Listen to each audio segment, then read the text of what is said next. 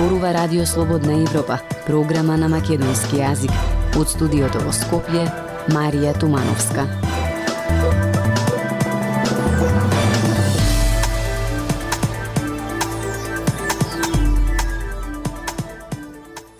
Добре дојдовте во емисијата. Во неа ќе слушате. Внукот на Али Ахмети го купува трговскиот центар Соравија заедно со албански бизнисмен. Вели дека има предприемачки дух и дека долгот од 20 милиони евра кон банките целосно ќе го превземе. Има ли опасност од ширење на радикалниот исламизам во затворот Идризово од повратниците од Сирија и Афганистан кои таму одслужуваат затворска казна? Од затворот ги негираат овие гласини. Од светот, нова димензија, што по бунтот на групата Вагнер, анализираме дали е ова почеток на крајот на ерата на Путин. Започнуваме со емисијата. 25 годишниот внук на лидерот на Дуи Али Ахмети на пресконференција појасни дека тој не го купува сам деловниот центар Соравија во центарот на Скопје, туку во оваа сделка влегува заедно со албанскиот бизнисмен Владимир Пиетер Ѓокај. Тој кажа дека компанијата има долг од 20 милиони евра кон банките што целосно ќе го превземат. Мнозинскиот собственик пак наведе дека во Македонија учествувал на повеќе тендери, вклучувајќи го и патот Скопје Блаце, но дека никогаш не победил иако секогаш како што рече нудел најниска цена. Петар Клинчарски со деталите од пресконференцијата. Господинот Али Ахмети ми е војко и Господ да го благослови. Тој беше мотивација за мене низ целиот живот но тој нема никаква врска со мојот бизнис, изјави неговиот внук 25 годишниот Дрин Ахмети, откако беше објавено дека купува деловен објект во центарот на Скопје вреден милиони евра. Тој ќе стане втор по големина собственик судел од 39% во деловниот центар Соравија, Мнозински собственик со 51% од акциите ќе биде Владимир Петар Ѓокај, додека 10% ќе му останат на досегашниот собственик Хано Соравија. Соравија ја премолче цената за купопродажбата на деловниот центар, велејќи дека е деловна тајна. Собствениците истакнаа дека трговскиот центар Соравија има на 20 милиони евра долг. За негово покривање, ниту денар нема да дадат новите компании собственици, туку за таа намена е земена кредитна линија во висина од 6 милиони евра. Во зависност од развојот на бизнисот, се планира да се намалува и долгот. Доколку за три години деловниот центар Соравија биде непрофитабилен, собствениците планираат да го продадат. Освен за долгот, тројцата собственици на Соравија практично не открија никакви детали за купопродажбата. Мнозинскиот собственик не одговори ниту конкретно на прашањето кои се неговите планови со Соравија. Тој наведе дека со Певлаку учествувал во Северна Македонија на повеќе тендери од институциите, но дека досега никогаш не победил, иако нудели најниска цена. Досегашниот собственик Хано Соравија ќе остане малцански собственик со 10 на 100 удел во деловниот простор. Тој имаше пофални зборови за Дрина Хмети и верувал во неговата личност, а не во политичките врски, напоменувајќи дека не биле запознаени чии внуке. Со своји 25 години внукот на Ахмети има повеќе бизниси. Покрај купувањето на Соравија преку компанијата Тор Industries, Дрин Ахмети преку друга негова компанија Everest JD поседува и активна концесија за експлоатација на варовник во зајас. Пратеникот и член на извршниот комитет на ВМРО ДПМН Драган Ковачки вчера објави договор за кој тврди дека е случаен меѓу државната ЕСМА и фирмата на Дрина Хмети. Според Ковачки во договорот стои дека истата фирма има само еден вработен, а има добиено концесија за ископ на варовник во вредност од 3 милиони и 600 илјади денари. Денеска, внукот на Ахмети ги негираше овие тврдења.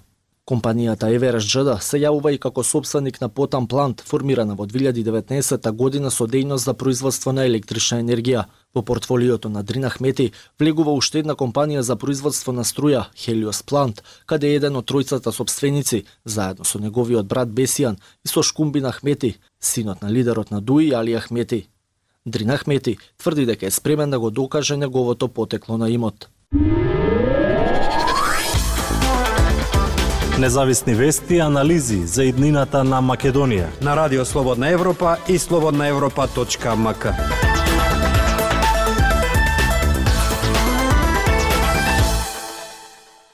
Во шестото крило во затворот Идризово казни за учество во паравоени формации одслужуваат повратници од боиштата во Сирија или Ирак. Познавачите на состојбите за Радио Слободна Европа велат дека крилото се радикализира, иако државата тоа го негира. Ива забара пристап до нив, тие пак одбиваат комуникација.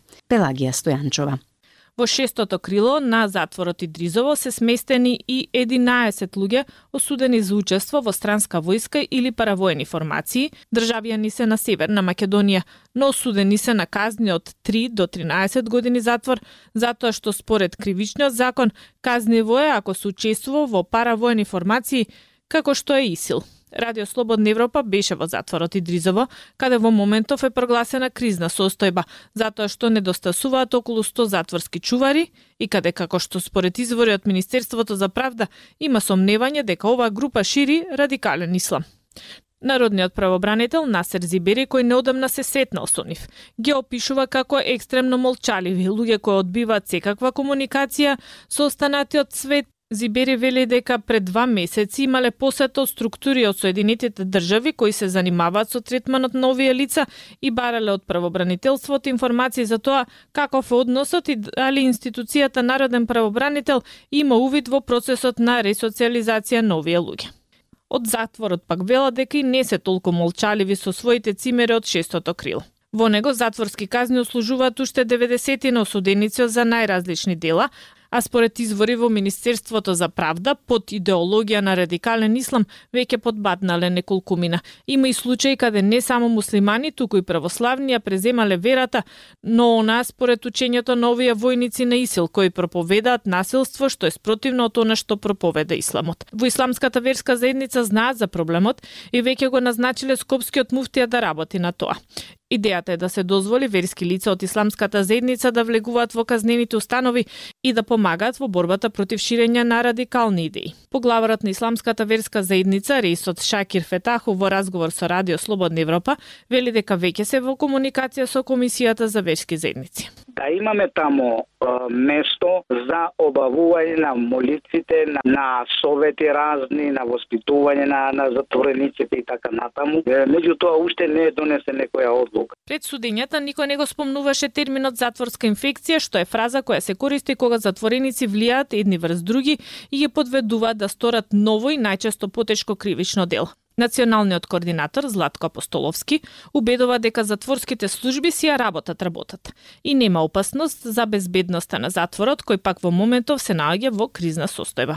Значи ова се посебна категорија на затвореници која од затворскиот персонал, психолозите, психијатрите кои работат во затворите, се посматраат и се следи нивното однесување. Дали влијаат на останатите затвореници? Како се однесуваат со другите затвореници? Дали се групираат, не се групираат? Тоа мора да се следи затоа што тоа е сериозен проблем доколку се дозволи. Вели Златко Апостоловски. Податоците на Народен правобранител говорат дека од 15 осудени во моментов, само еден се пријавил за учество во проект за ресоциализација и реинтеграција, но после кусо време се откажал. Радио Слободна Европа, светот на Македонија. Ке ги креваме додека можеме, но толку е силата. Велат родителите на деца со церебрална парализа кои секојдневно се соочуваат со бетонски бариери, движејќи се низ Скопје со количка. Од градот велат дека се работи на случајот, но родителите посочуваат дека на решенија се чека со години. Каде боли најмногу од прилогот на Емилија Бунтеска Нацоска. На патот кон училиште Дени ја користи пристапната рампа, а со учениците најчесто скалите. А како е внатре? Со учениците немам замерку на вистина се многу добри другари ми помагаат, се дружиме. Вели средношколката Дени Жерновска која живее со церебрална парализа. Но надвор ја чекаат бетонски бариери од сите страни. Дали 1% од тротоарите каде што се движиме се слеани во ниво со самата улица. Изјави Ирена Жерновска, мајка на Дени. Кај тазе реконструирани улици е во ред, но во строгиот центар на градот речиси на секој чекор останува старата болка. Од град Скопје велат дека се работи на случајот. Градот направи детекција на сите точки каде е необходно слевање на рабници за подобрена пристапност. На сите улици и булевари, кои се под градска надлежност, при нивна реконструкција во изминатата година, истите се прилагодуваат,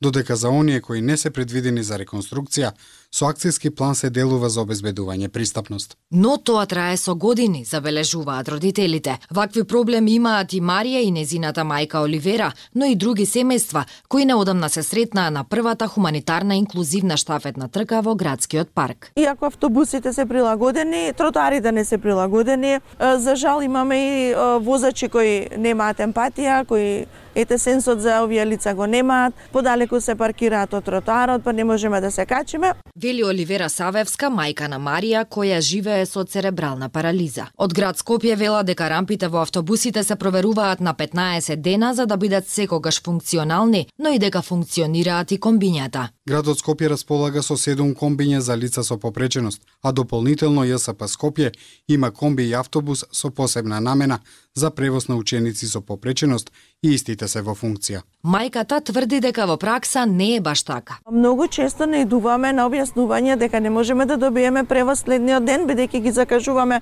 ден предходно, затоа што повеќето од комбињата се расипани. Изјави мајката на Марија. Родителите веруваат дека точно би можеле на надлежните да им ги посочат најкритичните точки во градот, но ги прашували некој? Воопшто никој не не контактирал, нити не прашал од институциите како се движиме низ градот, никој. Вели Скопјанката Жерновска. Некогаш изгледа како на децата да им останува единствено да се помират со реалноста. Иако изгледам помирено, сепак покажувам и, и, и укажувам каде е проблемот. Вели Скопјанката Марија Савевска, која живее со церебрална парализа. Актуелности свет на Радио Слободна Европа.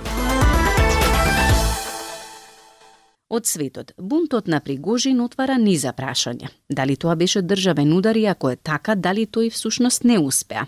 Дали е ова почеток на крајот на Путин и што е со војната во Украина, која резултираше со стотици или илјадници ранети и убиени? Повеќе во продолжение од анализата на Майк Екел. 24 часа што го потресува председателствувањето на Путин, неговиот најголем предизвик во последните 23 години како истакнат лидер на Русија, завршија доцна на 24 јуни, кога Кремл објави дека Пригожин се согласил да ја прекине неговата кампања. Според договорот што прв го објави белорускиот мокиник Александар Лукашенко, Пригожин се согласи да замине во Белорусија, Силите на Вагнер да се повлечат од јужниот град Ростов на Дон и да се повлечат од Московскиот регион, а руските власти се согласија да го отврлат кривичниот прогон за Пригожин. Во договорот исто така беше наведено дека нема да има гонење за војниците на Вагнер кои се приклучија на напорите. До сега Путин не даде јавни изјави за договорот, Всушност, последната јавна изјава или појавување на Путин беше утрото на 24 јуни, кога одржа петминутен телевизиски говор во кој ги нарече Пригожини и неговите борци предавници кои треба да бидат казнети. Пригожин со месеци беше трн во окото на руските команданти на Кремљ, упатувајќи остри и агресивни критики за тоа како Министерството за одбрана водеше војна во Украина, а укажуваше и на периодичниот недостаток на поддршка и залихи кои ги добиваа неговите војници. Но дали беше тоа причина за да се собори од власт Путин? Не е целосно каква игра имал на ум Пригожин кога им наредил на своите луѓе да ги зазамат војните згради во Ростов на Дон и потоа да испратат група од неколку илјади да отпатуваат на север кон Московскиот регион. Игор Гиркин, пораношен руски разузнавач кој се борел во раните години на конфликтот поттикнат од Русија во источна Украина, го нарече тоа државен удар. Действијата на Пригожин речиси совршено одговараат на дефиницијата за бунт, велат воените експерти. Во својата телевизиска изјава, самиот Путин го опиша тоа што се случува како бунт. Со други зборови, иако Пригожин ја фрли најголемата ракавица со која се соочи Путин од како се катапултираше во 1999 и се уште не е јасно дали сака да го собори рускиот лидер. Дали е ова крај на ерата на Путин? Во текот на неговите две децении како истакнат лидер, тој се оформи себе си како беден против превирањата и против отров на хаосот што ја зафати Русија во 90-тите години по распадот на Советскиот сојуз. Но неповредливоста на Путин е оцрнета како што се одолговликува војната на Украина. Пригожин сега директно го предизвика рускиот председател не само со зборови, туку и со дела. Фактот дека неколку илјади тешко вооружени луѓе може непречено да налетаат речиси во главниот град е исто така проблематичен за администрацијата на Путин. Толку во оваа емисија ја слушавте програмата на македонски јазик на Радио Слободна Европа. Од студиото во Скопје ве поздравуваат Дејан Балаловски и Марија Тумановска.